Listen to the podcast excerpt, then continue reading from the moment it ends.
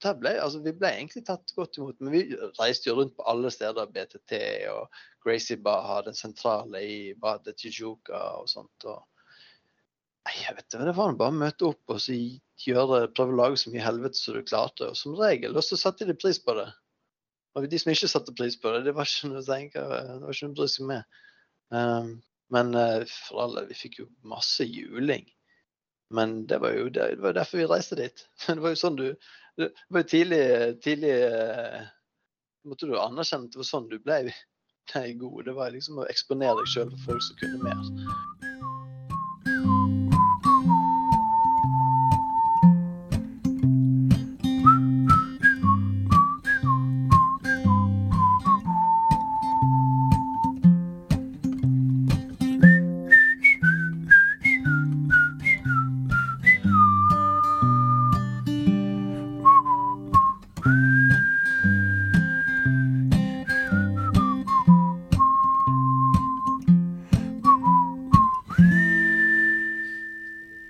For nok en episode av Bolten Bitte BTD podkast.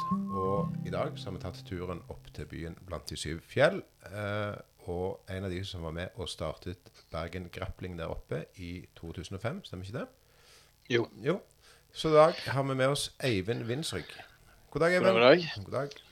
Du Eivind, du er vel kanskje en av de som har holdt på eh, lengst oppe i Bergen. Men fortell litt om deg sjøl. Hva er det du driver med sånn, så utenom det å ha starta klubb en gang? Uh, ja, nei, jeg var jo uh, så studentboms uh, lenge når jeg holdt på med det her. Hele 20-årene mine.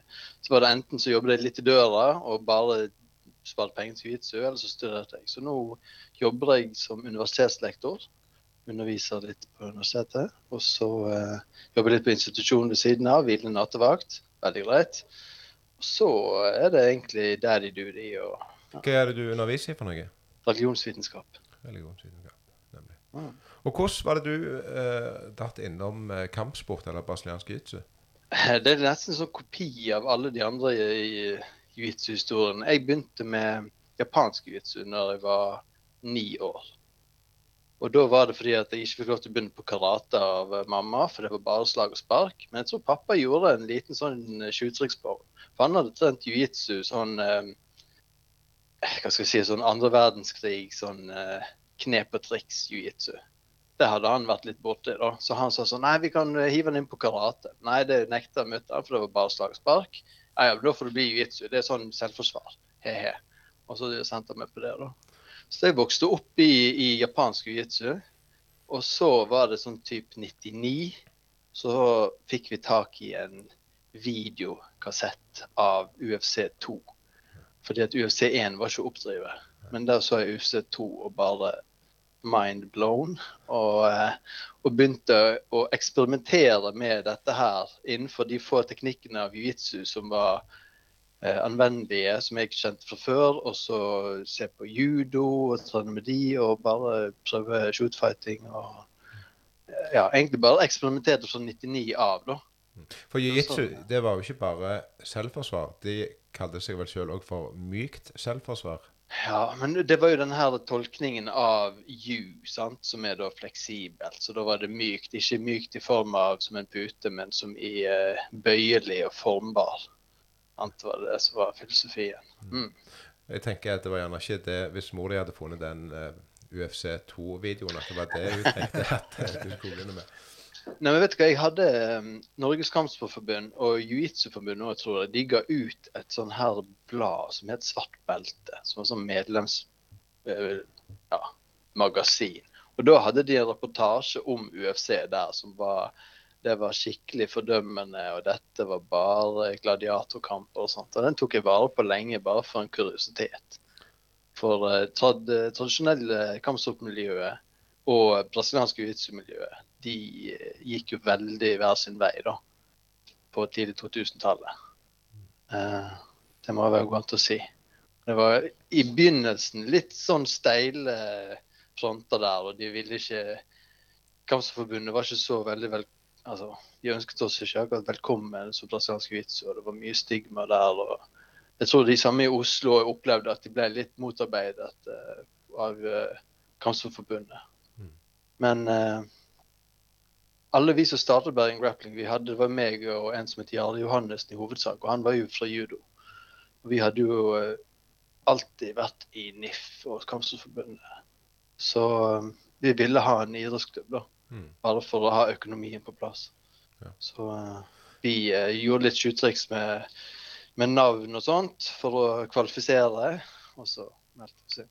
Ja, og da Tjuvtriks med navn, var det da Bergen Grappling det ble kalt med en gang, eller var det Ja, ja. Det ble kalt Bergen Grappling med en gang, men offisielt sett så het det noe sånn her eh, Bergen brasiliansk jiu-jitsu-klubb, eller noe sånt Så er et navn som ingen brukte.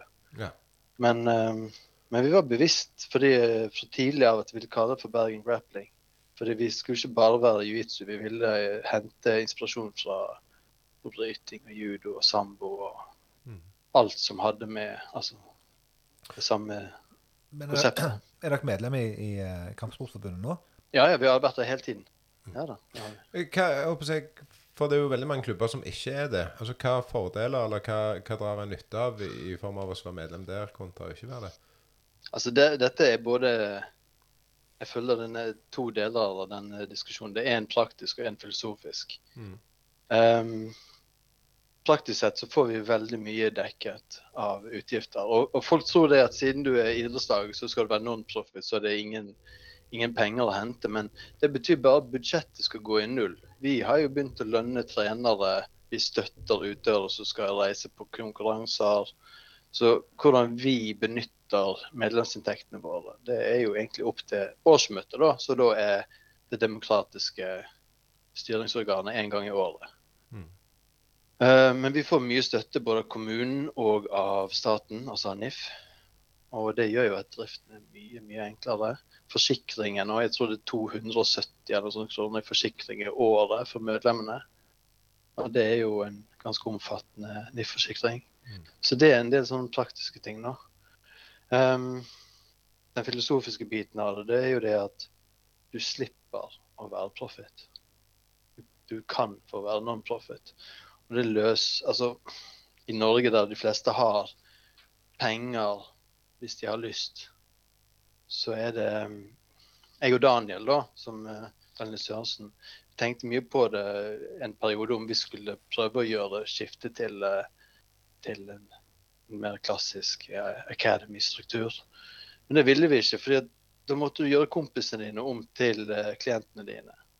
Og du måtte kanskje kjøre en del uh, partier som du ikke hadde lyst til å kjøre. Altså, jeg orker ikke å kjøre nybegynnerparti. Det har jeg ikke gjort på år. Jeg bare?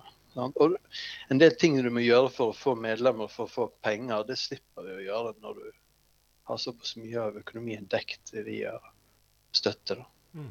Det, var, det har ikke jeg tenkt så mye over, men liksom bare, det har slått meg at det er veldig mange som driver dette som et akademi, da, som sier, som ikke er en del av den, den biten der. da. Jeg har aldri vært der, nei. Men tilbake igjen til 1999. Eh, du oppdager UFC 2-videoen. Eh, hva gjør en da, når du eh, kommer fra fleksibelt selvforsvar og oppdager UFC? Hvordan, hva, hva gjør en da for å få, få mer av dette? Nei, Du omskaper hele verdensbildet ditt, da. Det er vel det du gjør. Men nei um, Veldig lang, krokete vei. Eh, jeg husker ikke hva tid det var, men det er det som het Kringsjå brasiliansk jiu-jitsu-klubb back in the day. De hadde et eh, seminar med Hoyce Gracie som jeg på en eller annen måte fikk eh, snusen i. Og da toget jeg over der for å få med meg dette. Og det var mitt første møte med, med ordentlig PE, da. Og fikk passet påskrevet så det sang etter. Det var jo eh, et lokal bar med verstinger. Så kommer det en som 18-åring eller hva det var, og bare jepp, jepp, det er sånn det er her i verden. Og um, så var det egentlig bare å prøve å få tak i kompetanse på den måten du kunne. Det var bøker, videoer, bare se på masse MMA, analysere hva som ble gjort. Prøve å reise dit du kunne reise, prøve å få seminarer med de du kunne få seminar med prøve å leite opp frenetisk noe som kunne noe mer enn deg. Mm. Og så prøve å slåss med dem. og, og, og det gikk jo for så vidt bra. Du, du har jo fått deg et uh, svart belte, så noe har du jo lært på veien. eh, og eh, noen medaljer, som du sier, har det òg blitt.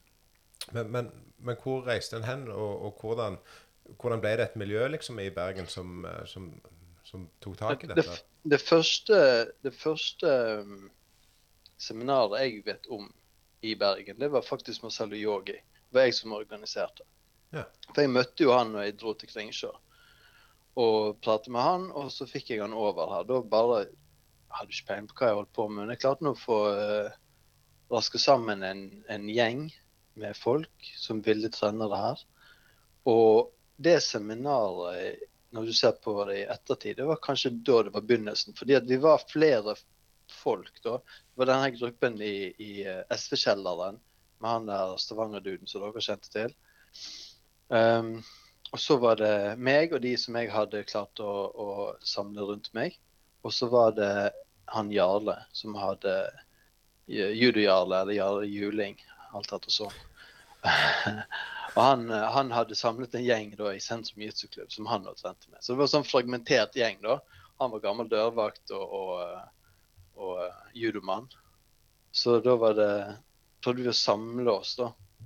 Og det var vel rundt det seminaret der det skjedde. Fordi at alle de som holdt på eller hadde interesse for brasiliansk jiu-jitsu i bergensområdet, de klarte på en eller annen måte å kalle seg til dette seminaret med yogi. Og, og så ja, linket vi opp på den måten. Og så gikk det, noe, da gikk det noen år med dialog Ja. før det ble en klubb. Og da var jeg ikke alle som ville bli med i den klubben heller.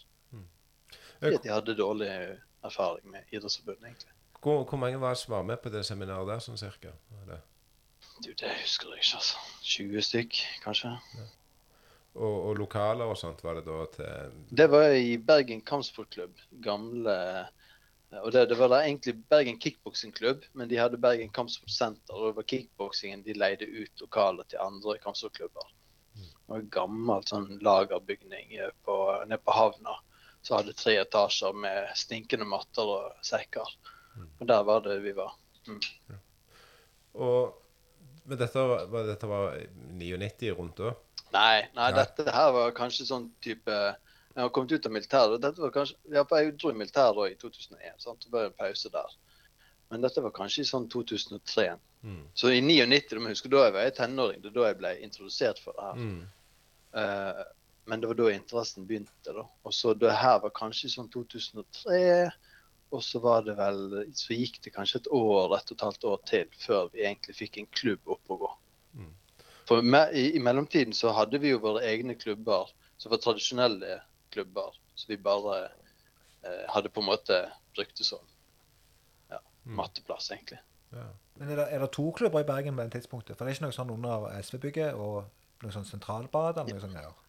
Jo, Sentralbadet, det var jo oss. Det er da når vi startet Bergen Rappling, da var det i Sentralbadet. Ja. For da flyttet vi ut av de andre stedene. Da hadde vi som sagt trent litt overalt for oss sjøl. Men når vi startet Bergen Grappling, da flyttet vi inn i Sentralbadet, i kjelleren der. Det var pga. at Jarle han hadde drevet judoklubb tidligere. Så han hadde gitt alle mattene sine til Bergen judoklubb, som var i kjelleren på Sentralbadet. Så da fikk vi egentlig lov til å trene der eh, gratis. Ja, nettopp. Men vi måtte ikke når judoen hadde timene sine. Så hvis vi, hadde, hvis vi godtok litt dårlig timeplan, så kunne vi trene gratis. Og det var jo et bra tilbud for oss. Da, Mm. da fikk vi akkurat tolv underskrifter, som var nok for å bli en klubb, og så var det i gang.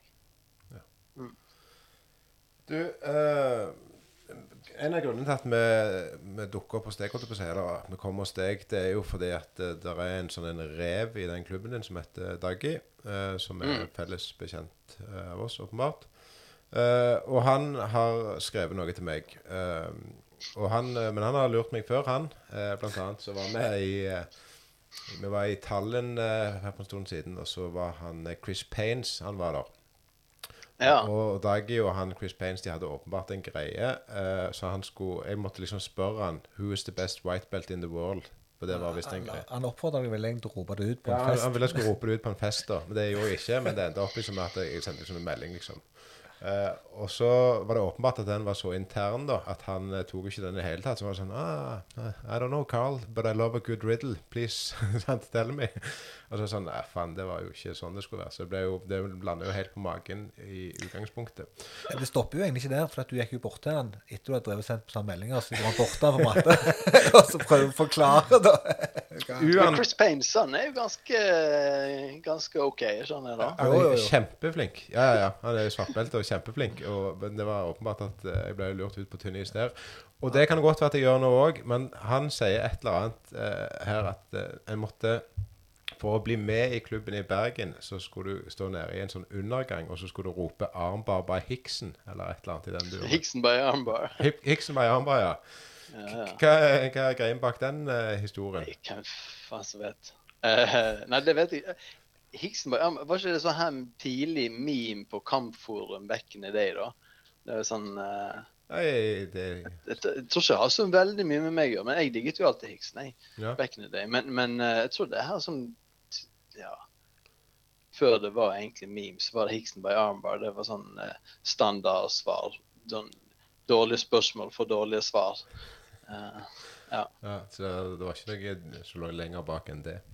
nei, jeg tror han også bare kødda kødder litt med det her eh, Fordi at i begynnelsen så var jo det også veldig mye Jeg er såpass gammel at vi husker de challenge-matchesene med, med judoen og med karaten og kung fu-gutter som skulle komme inn og faktisk ha sånne challenge-matches med oss. Oh, ja. Og det var jo, det var jo begynnelsen. Og da var det kanskje Kan hende jeg skal referere til noe av det der. Mm. Så det var ikke på samme det var ikke på samme linje som det Jon Olav holdt på med, men det var samme opplegget. Ja. Vi fikk, vi fikk besøk av noen ninjaer en gang òg, tror jeg. Som skulle utfordre oss til Dojo Store med. Å ja. Var det proffbomber og sånt? Skulle ønske det. Ingen kataner eller ninjastjerner. Men jeg tror Daniel eh, serverte noen heelhooks på den tiden, så det var greit.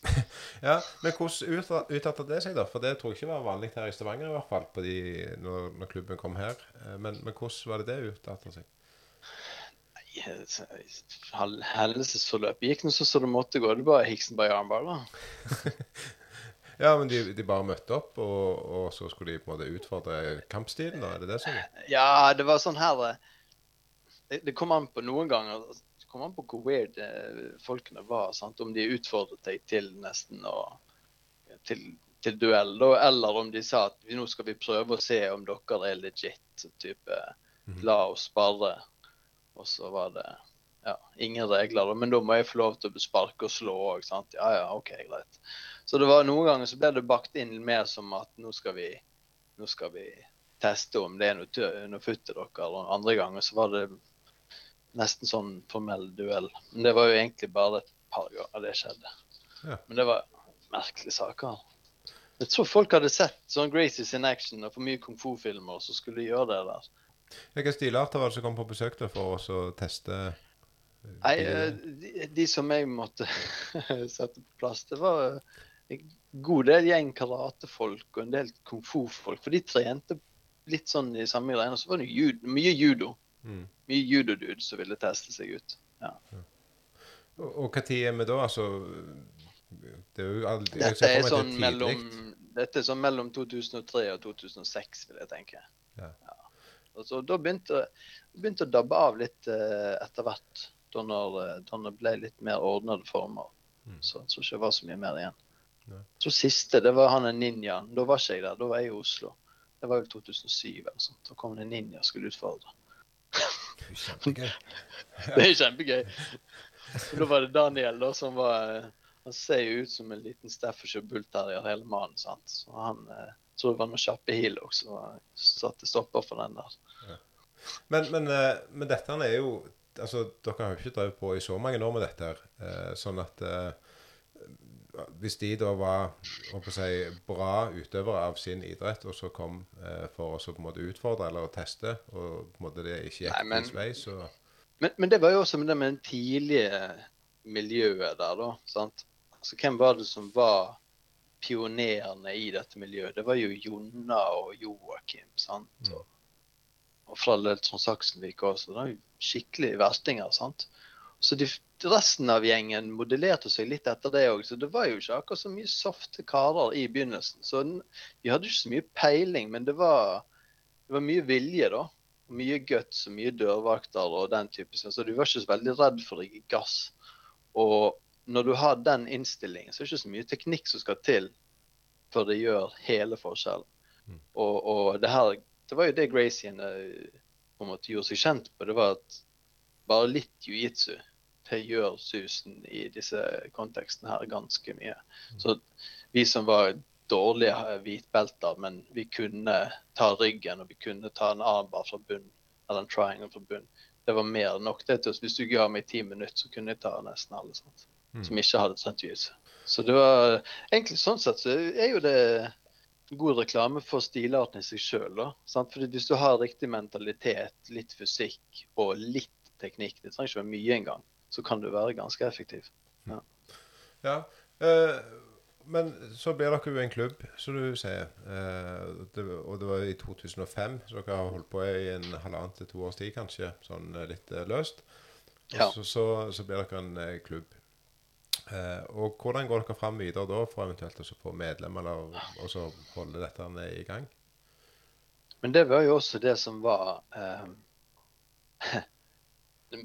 Få medlemmer. Det var jo egentlig bare å huke tak i Du gikk liksom egentlig med T-skjorte på, på gymmen når du pumpa jern eller sånt, og så kom folk bort og spurte deg, og så sa jeg men kom på trening en gang, da.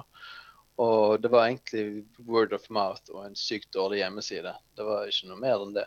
Men vi trengte ikke noe mer enn det heller, fordi at vi fikk litt støtte og hadde, hadde mye, mye gratis. Sånt, da. Så det var en sakte vekst, egentlig. Mm. Det har det vært hele tiden. Prøvd å stor, holde på kjernen, og så rekruttere folk som er likesinnede i, i, eh, i holdning, da. Ja, hvor mange er dere i dag? Skal det vet jeg ikke. 150, kanskje? Det er så mange. Ja, kanskje. 120-150, et sånt sted mellom der. Nå er det korona, det har ikke jeg peiling etter det. altså. Men vi har ikke tapt så mye. Vi tror faktisk nesten vi fikk litt medlemmer under korona. Vi startet tidlig opp med ungdomstreninger òg, sant.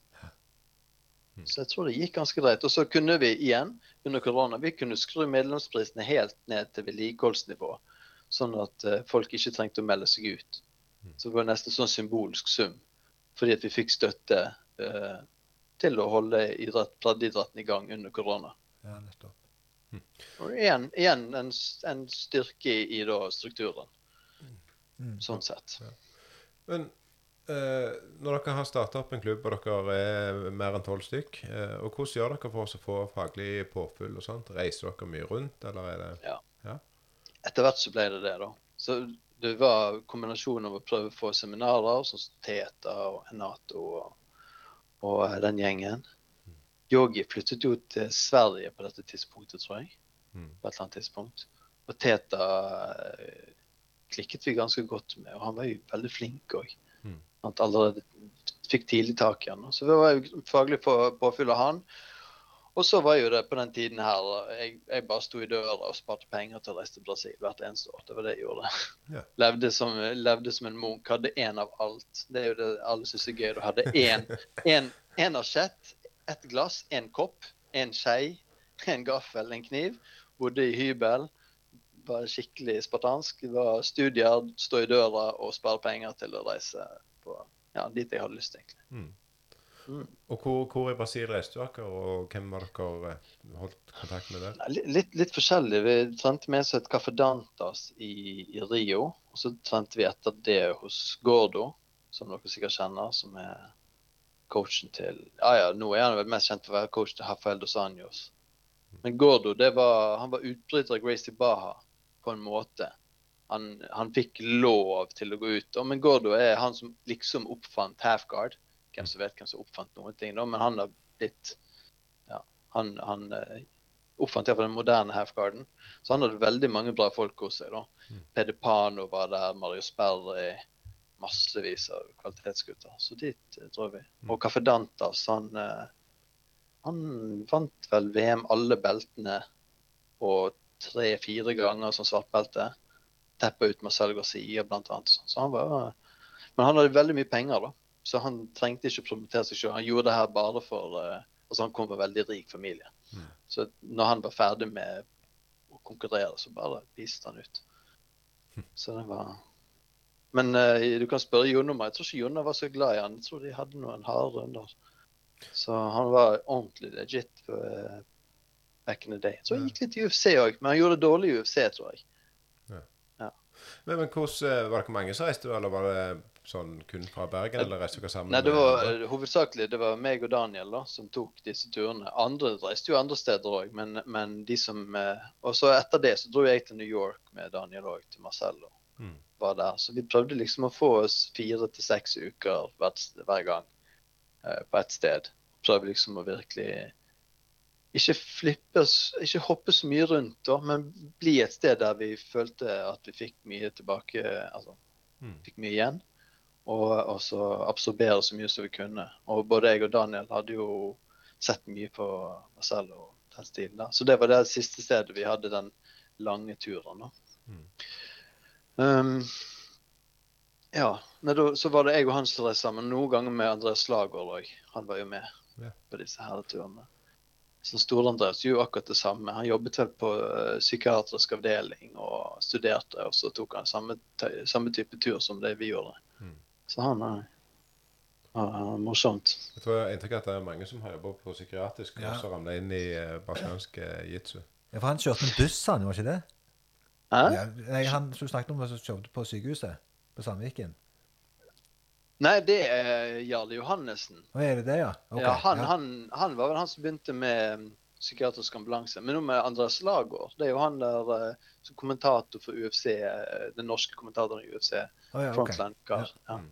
Han store Andreas, han er jo kjent eh, i, i miljøet. Ja, han, Han, legger vel ut en del òg for Frontline på, på Facebook og på YouTube. Sånt. Jeg tror jeg filmer og kommenterer når folk ruller på, på akademiet. OK. Ja, det har ikke jeg sett, men ja, det gjør sikkert. Graderinger og sånt, når dere reiste rundt på denne måten, hvordan uh, uttalte det seg? Ja, eh, det utartet seg ikke i det hele tatt, egentlig. Nei. Så det, det var en lang vei å få belter. Eh, Men jeg fikk blått av Teta, og så fikk jeg lilla Henato slash Teta. Mm. Og så ble det jo mye sånn pengestyr og sånt, som førte til at de ville satt Frontline i Bergen, og vi ville holde på strukturen sånn som var sjøl. Mm. Og da sto vi litt sånn herreløst. Så da var det en veldig lang periode som lilla belte. Mm. Veldig lang. Men så fikk jeg brunt av eh, Christian Mm. Draugard. Mm. Og etter hvert da så var det Christian og Hobson Barbosa i Sverige som ga meg svart. Ja. eh, hvordan kom dere inn i det BDD Globetrotters, eh, Christian, eh, seminarene, turene? Hvordan eh, Jeg tror det var helt tilfeldig. Jeg lurer på om ikke det var Dagi og Simen da, faktisk, som kjente han på en eller annen måte. Og så bare eh, hooket opp med seminarer og begynte å reise ned til København litt. Ja, det er for så vidt sant. Jeg reiste til København for å få faglig eh, påfyll men det var jo mer som, som brunbelte, da. mm. Da var jo litt sånn nært slutten. Da ville de ha litt eh, Da ville de ha litt fra meg også. Men ja, jeg vet ikke helt hvordan det gikk til, for å være helt ærlig. Men han hadde jo veldig samme mentaliteten som oss, og han hadde mye den samme historien òg. At begynte med brasiliansk jiu-jitsu ut av å se på MMA og bare tenke at dette her var noe stort. Og så starte en klubb uten å egentlig kunne noen ting, bare ha lyst til å lære mer. Det var jo sånn det var. Um, og så er det jo en lang, lang vei å gå da, til å komme noe sted.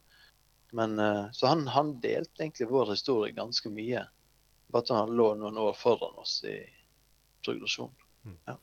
For han var vel en av den, om ikke den første, i hvert fall en av de første som eh, begynte med dette i Danmark, var han ikke det? Han var vel den første, så vidt jeg vet, ja. Ja. ja. Men ja, hvem som vet. Det må jo de danske Ja, ja. krangle om. Ja, Det skal sikkert krangles om òg. Ja det, det skal du sikkert òg, ja. Men eh, kan, altså, det, ja. det var bare sånn tilfeldig. Og så, som sagt, vi hadde god vibe. Vi hadde Og, og jeg føler liksom Han blir litt misforstått, uh, iallfall i amerikansk uh, jiu-jitsu-miljø, som en sånn her eh, eh, ute etter penger-type fyr. Jeg tror ikke det kunne vært lenger vekke fra sannheten. For han vil jo bare tilby Han vil jo gjøre jiu-jitsu tilgjengelig for så mange som mulig. Mm. Han har jo også tilbudt mye tjenester og alt mulig sånn gratis opp gjennom hele tiden. Og hans eh, Han var jo også litt imot det her at folk måtte sverge lojalitet og sin førstefødte for å få et belte av en professor. sant? Mm. Og bare det å, ha, å kalle noen for professor i det hele tatt, det var jo Han mente det var veldig løkt. Og det er en sånn skandinavisk måte å tenke på det hele. Mm. Så, um, så hans eh, idé med Globetrotters det var todelt. At folk som fortjente belter, måtte faktisk få dem. Sånn at de kunne konkurrere på det beltet de hørte hjemme. Eh, sånn at det ikke ble sånn som Chris Paines, da, verdens beste hvitbelte. Så hadde trent catch wrestling og, og no-gi grappling i årevis, hadde hvitt belte og banka piss ut av svartbelter. sant? Mm. Um, at det, det liksom Dette ga ikke noe mening, fordi at han hadde ikke en affiliation, så kunne ikke han få et belte. Det var jo helt latterlig. sant? Mm. Og så var det dette med å konkurrere, at IBF holdt klubber ute av konkurranse. Og det gjør jo de for så vidt ennå, hvis ikke du hadde en affiliation. Mm. At det blir eh, Folk kunne ikke konkurrere da, i det som blir sett på som den største organisasjonen, hvis ikke de én betalte dyre dommer, det må jo de gjøre uansett, og to måtte gå med på hele dette pyramidespillet som er brasiliansk jiu-jitsu, når du går på det organisatoriske nivået. Mm. Det er jo det. Det er jo, det er jo blitt et pyramidespill Mm.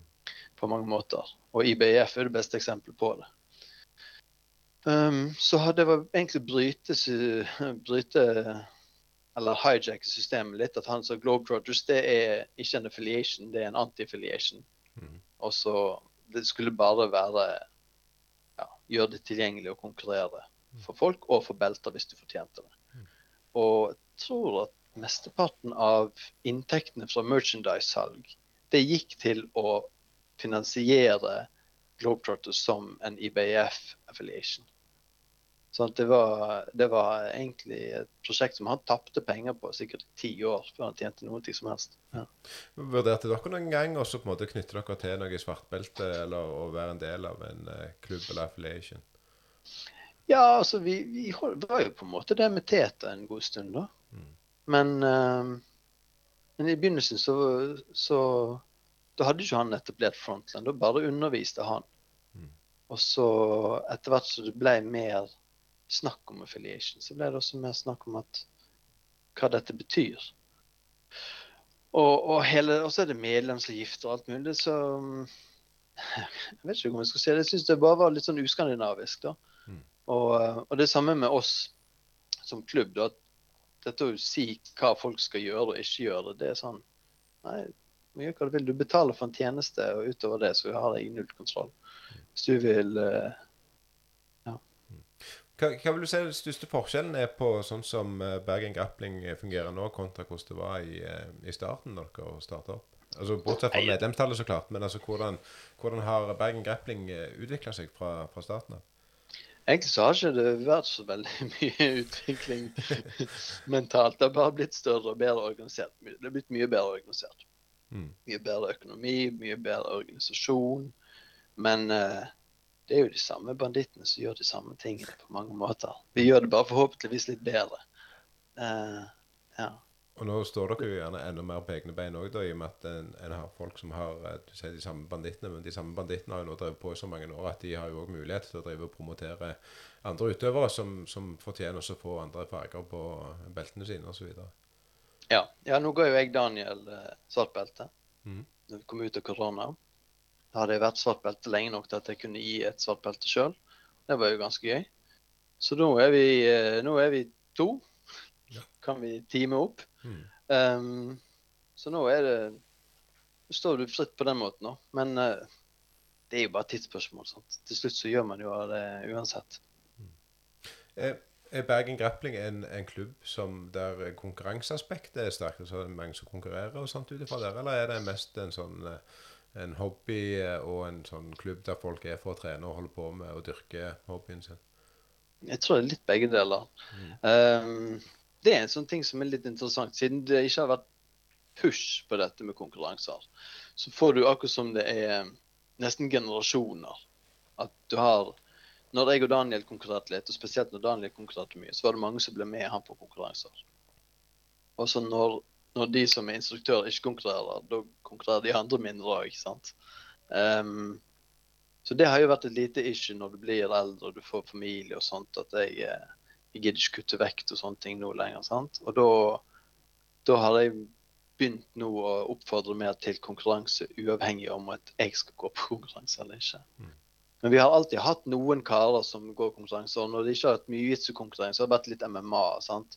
Da var det Torbjørn Madsen og eh, Jacobsen har jo gått mye MMA, og de har jo trent mye hos oss. da, Så det har vært litt sånn uh, fluktuerende fokus. Men majoriteten er jo da hobbyister. Mm. Og så har du alltid en liten sånn klikk av karer som har lyst til å gå turneringer. Eller lyst til å gå MMA eller noe sånt. Så det, mm.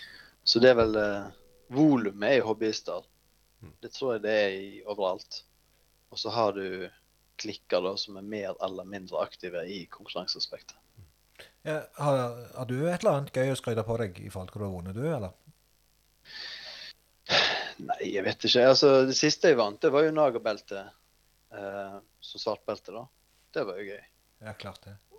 Ja. Og da, eh, da vant jeg også alle på Jeg tror det var under to minutter på Rain Naked Choke. Så det var jo liksom Jeg fikk eh, vist eh, min stil òg, da. Så aggressiv og bare gå for chokes. Mm. Så det, det er favoritt-submissionen din, altså en, en kvelding? Ja, jeg, jeg vil Det er Rare Naked og giljotiner som er mest det jeg gjør. Og giljotin òg, det er sånn som jeg begynte med fordi jeg fikk juling av de som var bedre enn meg. Og så, så tidlig da, så var det sånn at vi vi merket jo det at vi fikk bank av alle som var bedre i brasiliansk jiu-jitsu enn oss. Men da måtte vi tenke at ja, hm, men disse heel-hooksene, de funker bra mot disse gi-gutta. sånn at vi kunne ikke Vi var pisselendige på å passere gard, men vi var gode på heel-hooks ganske tidlig. Men så fikk vi ikke lov til å gjøre det i BIF-regler. og Så var det en liten sånn løll-periode der vi ikke fokuserte så mye på det. Og nå er, når det kom tilbake igjen, så var jo det egentlig eh, old news for, eh, for mange gamle gutter. Men eh, når vi ikke kunne Hilux, så måtte du finne andre teknikker da, som på en måte kunne eh, gi deg en liten edge mot de som var bedre enn deg. For meg så var det giljotin. At den, kunne, den var alltid tilgjengelig. Du kunne alltid se etter giljotin. Og hvis giljotinen var bra nok, så måtte folk respektere den. Ja, ja. ja. Og det tillot jeg da, at hvis de måtte respektere giljotinen litt, så fikk du litt mer tid før du ble passert. Eller så fikk du litt mer tid når du skulle passere. Hvis de satte seg opp, så hang du på nakken der. sant? Så jeg har jo hatt sikkert 17 senebetennelser i bicepsen, men uh, jeg har gjort mye giltiner òg. ja, ja. Mm. Men vi har, eh, det er jo mange som har sånne spesielle kallenavn. Har, har du fått et kallenavn? eh, Nei, det er dårlig med det. altså. Ingen kallenavn. Å, nei, det er jo rart. Null, null kallenavn. Ja, det er veldig. De, de fleste får jo et eller annet slengt på seg av en eller annen brasilianer i en eller annen sammenheng som de blir stuck med for resten av livet. Ja, ja, ja, ja. Daniel ble jo Ompa-Lompaen. Ompa Lompa. Lompa, ja. Ja. Hva var det som ga han det navnet? Det var Tete, tror jeg. For han var gjerne 1,68 og så 90 kilo med sixpack. sant? Så ja. Det er klart, Da blir det fort en Ompa Lompa. jepp. Uh, men du fikk eh, svart belte av eh, Barbosa. Mm. Eh, eh, knytning hadde dere til han, annet enn at dere har besøkt på seminar av og til? eller? Det var liksom det. Og så var vi på disse Globetrotter campsene sammen. Og eh, jeg bare møtte han egentlig ofte, da. Mm. Så når vi var på camp, så var alltid han der. Han var jo treneren til Christian, så var det naturlig å gå på han er sinnssykt god òg. Mm. Han er veldig legit. Ja. Så um, ja. Det var var vennskap, kjennskap. Det var sånn også vi, vi har jo hatt mye kontakt med han eh, Sinistro også. Uh, som har litt sånn claim to fame. Har tatt en del bronsemedaljer i VM som svartbelte. Um, og så vunnet VM alt på fargede belter. da. Og han var sånn som vi bare møtte og fikk eh, god connection med. Delte en del eh, ja, en del eh, holdninger til. og har trent mye. og Prøvde å hente han inn for sånne ukeslange seminarer og sånt. så Funker veldig bra. Han var veldig god. Hvordan har, eh, Du nevnte på det at eh, han, eh, Daniel fikk svart belte nå etter covid eller koronanedstengning og sånn. Hvordan har, har det påvirka klubben og, og, det, og egen si, motivasjon osv.? Har det vært merka noe på klubben at det har blitt litt minska interesse, eller har det økt, eller hvordan? Vet du hva? Det tok Altså, når det åpnet opp igjen, så var det en, kanskje en måned eller noe sånt før det tok seg opp igjen. Men nå er det akkurat som før, føler jeg, da. Eh, men mer nye ansikter og mer eh, eh, ja, av den yngre generasjonen har kommet seg opp igjen. For min del så var jo den supernice eh, for at U21 de skulle jo få lov til å trene idrett.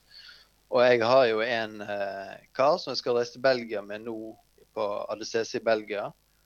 Eh, jeg skal coache han der. Han er 19 år nå. Han er vel eh, 95 type kilo, helt skrapa og satser nå på konkurranser. Mm. Så han fikk aids hele, hele covid. Så jeg fikk jo holdt meg noenlunde skarp. Mm. Uh, så det var jo kjempegøy. Så um, Hvem hva er det han heter for noe? Sånn som vi kan han. han heter Armin Dumosil. Ja. Da, eh, han har gikk sin første konkurranse nå, men nå tror jeg det er satsing. Så vi får- vi se da hvordan det går med han. Men uh, han har alle forutsetninger for å gjøre det bra. Og Belgia, hva dato det blir? Ja, det blir nå i helgen, da. Så eh, Ja, 23. er lørdag. ja. Det var søndag han skal gå. Ja. 24. da. Så da, da er han ferdig godt, holdt jeg på å si, når, eh, når dette kommer ut. Men det blir i hvert fall Mm. mulighet til å se etterpå hvordan han eh, gjorde det. Ja. ja, det er spennende å se. Greit.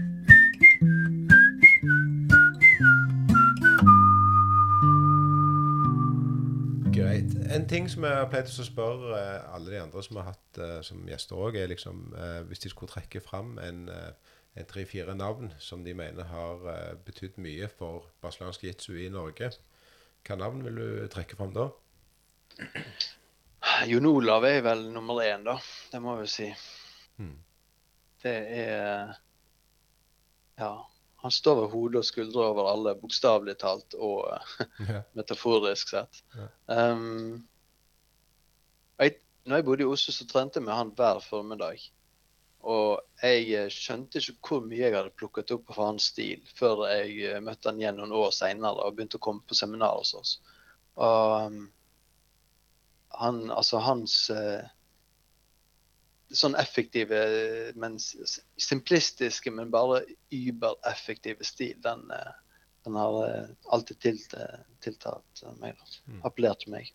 Så Jon Olav var jo den som virkelig pushet eh, tidlig BI i Norge, det må jeg si. Mm.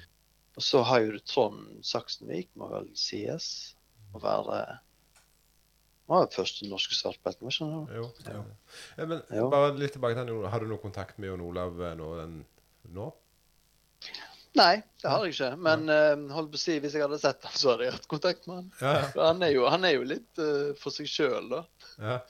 Han er ikke så veldig på å ta kontakt heller. Så. Nei, han er, ikke, han er ikke på TikTok og Instagram og alt det greiene der.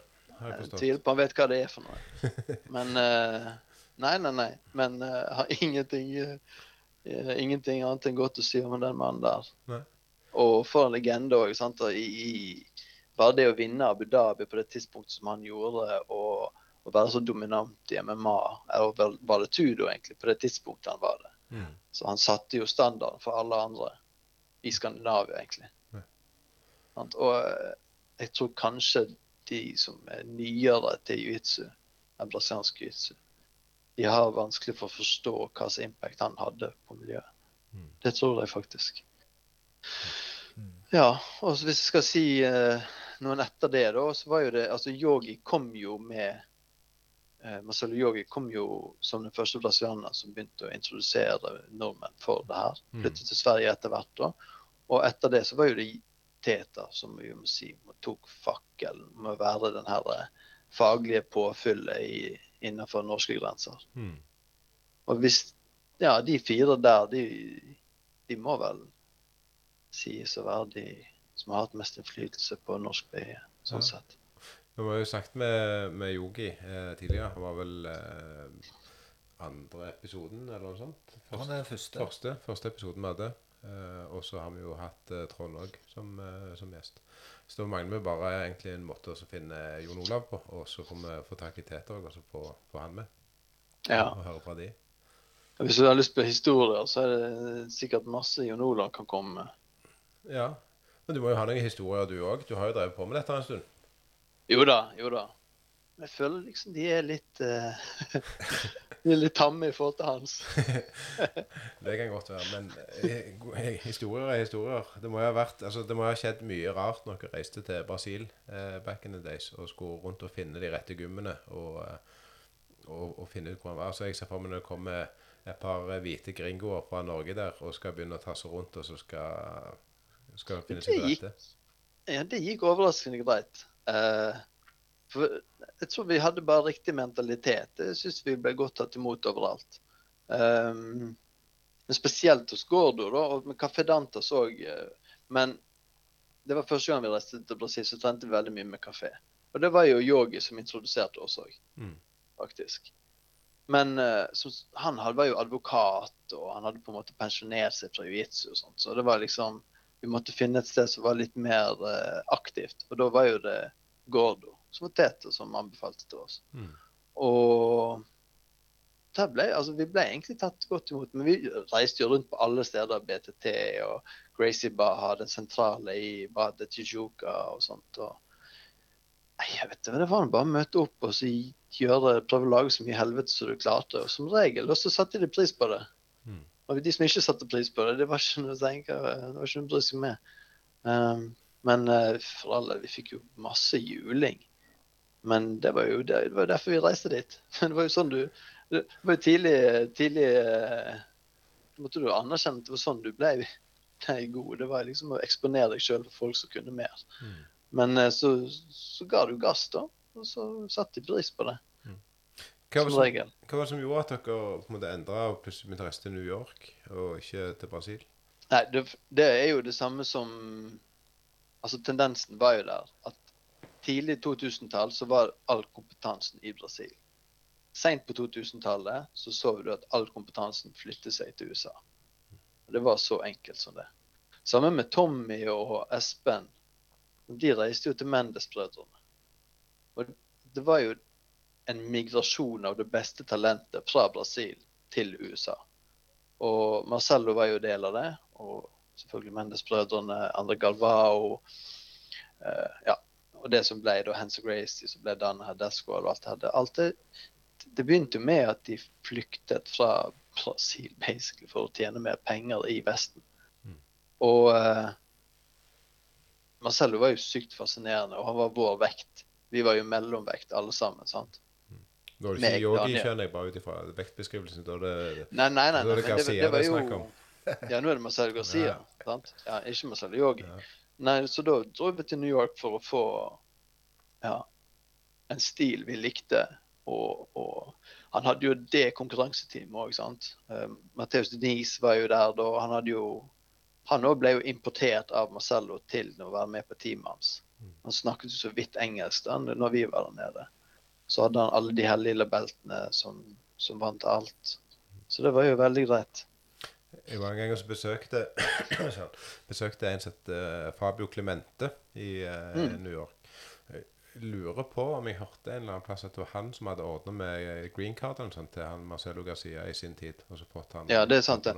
Det der, i New York var jo Fabio Clemente til å begynne med. Ja. Mm. Og så, og så Jeg tror det er, han har klubb der i New York ennå. Ja, han hadde i hvert fall Jo, han har det ennå. Men han hører ikke til Allians lenger. Det er vel fra Allianse så var han over i Checkmate en periode.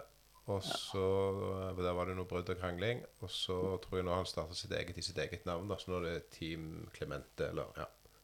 Ja, men det var jo Altså ja, Hvis du skal spore alle de bruddene og alle de uh, nye klubbene og sånt, så det var jo Hva, hva det begynte med, da? Det var jo han der eh, gamle Jaccaré.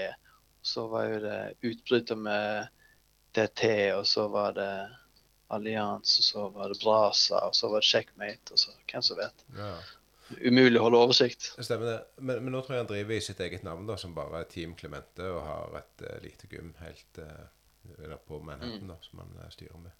Men Kos deg med leien.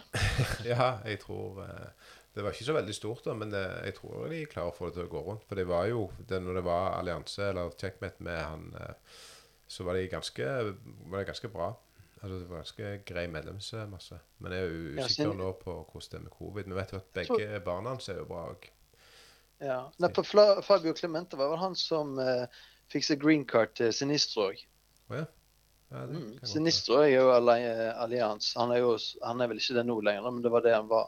Mm. Så han, eh, han hentet han inn som eh, talent også, fra Ecuador. Ja. Så han var ikke brasilianer. Han var ecuadorian. Ja. Morten, har du noe mer som vi burde vært innom? Ikke det jeg kom på. En ting som jeg tenkte på, det er jo det at dette med mm. Bergen Grappling er jo eh, det er jo, det er jo ikke knytta opp til eh, Globetrotters i den forstand at det er jo en helt egen klubb, som du har forklart. Men dere eh, predikerer jo mye av det samme budskapet. Hvordan eh, Ja. gjør dere det nå under, eh, altså etter covid? Er dere åpnet opp for besøk og sånt, eller er det bare å ta kontakt Ja? Ja, det er ikke noen restriksjoner Ja. med tanke på noe smitte og alt det greiene der? Jeg tror nå vi Nå går vi for full maskin, sånn som vanlig. Ja. Mm. Så da, hvis en er i Bergen, så er det egentlig bare å ta kontakt og så komme innom? Mm. Ta med pysjamasen. Eller, Ja. eller tightsene, holdt jeg på å si. Er det mest pyjamas, eller er det mest eh, tights det går i hos dere? Jeg eh, tar ikke på meg så mye pyjamas nå lenger, eh, men eh, det er mange som gjør det. Mm. Ja. Er det da rene sånn, pyjamasklasser og rene tightsklasser, eller er det blanding? Nei, det, eller, det er vel noen som kjører eh, Simen har sagt noen ganger at eh, teknikken han viser funker uansett. Mm. Men eh, det er egentlig G-klasser eller no G-klasser. Og Ja. hvor ofte er dere har, eh, har timer og sånt? Uh, to til Er det tre eller fire? Ja, to til fire ganger for dagen. Mm. Det er såpass. da er vi med barnepartiet òg, da. sant? Ja. Ja. Så vi har minimum to økter for dagen, og så maks fire, tror jeg. Ja, det er bra, det. Ja, absolutt. Absolutt. Så det er litt trykk. Hver, trening hver dag. Ja. Og det er vel Er det mange klubber i Bergen, eller er det dere og eh, Frontline som Det er Frontline og så Tent Planet, da. Tent Planet òg, ja?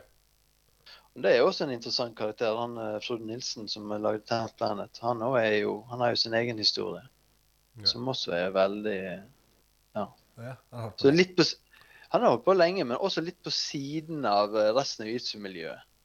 Ja. Mm. Så han, um, han får kanskje ikke den anerkjennelsen han fortjener. Men eh, ja, han har på eh, Han har gjort, uh, gjort mye ut av Tent Planet-greiene nå, da. Jeg syns jo det er litt gimmicky, da.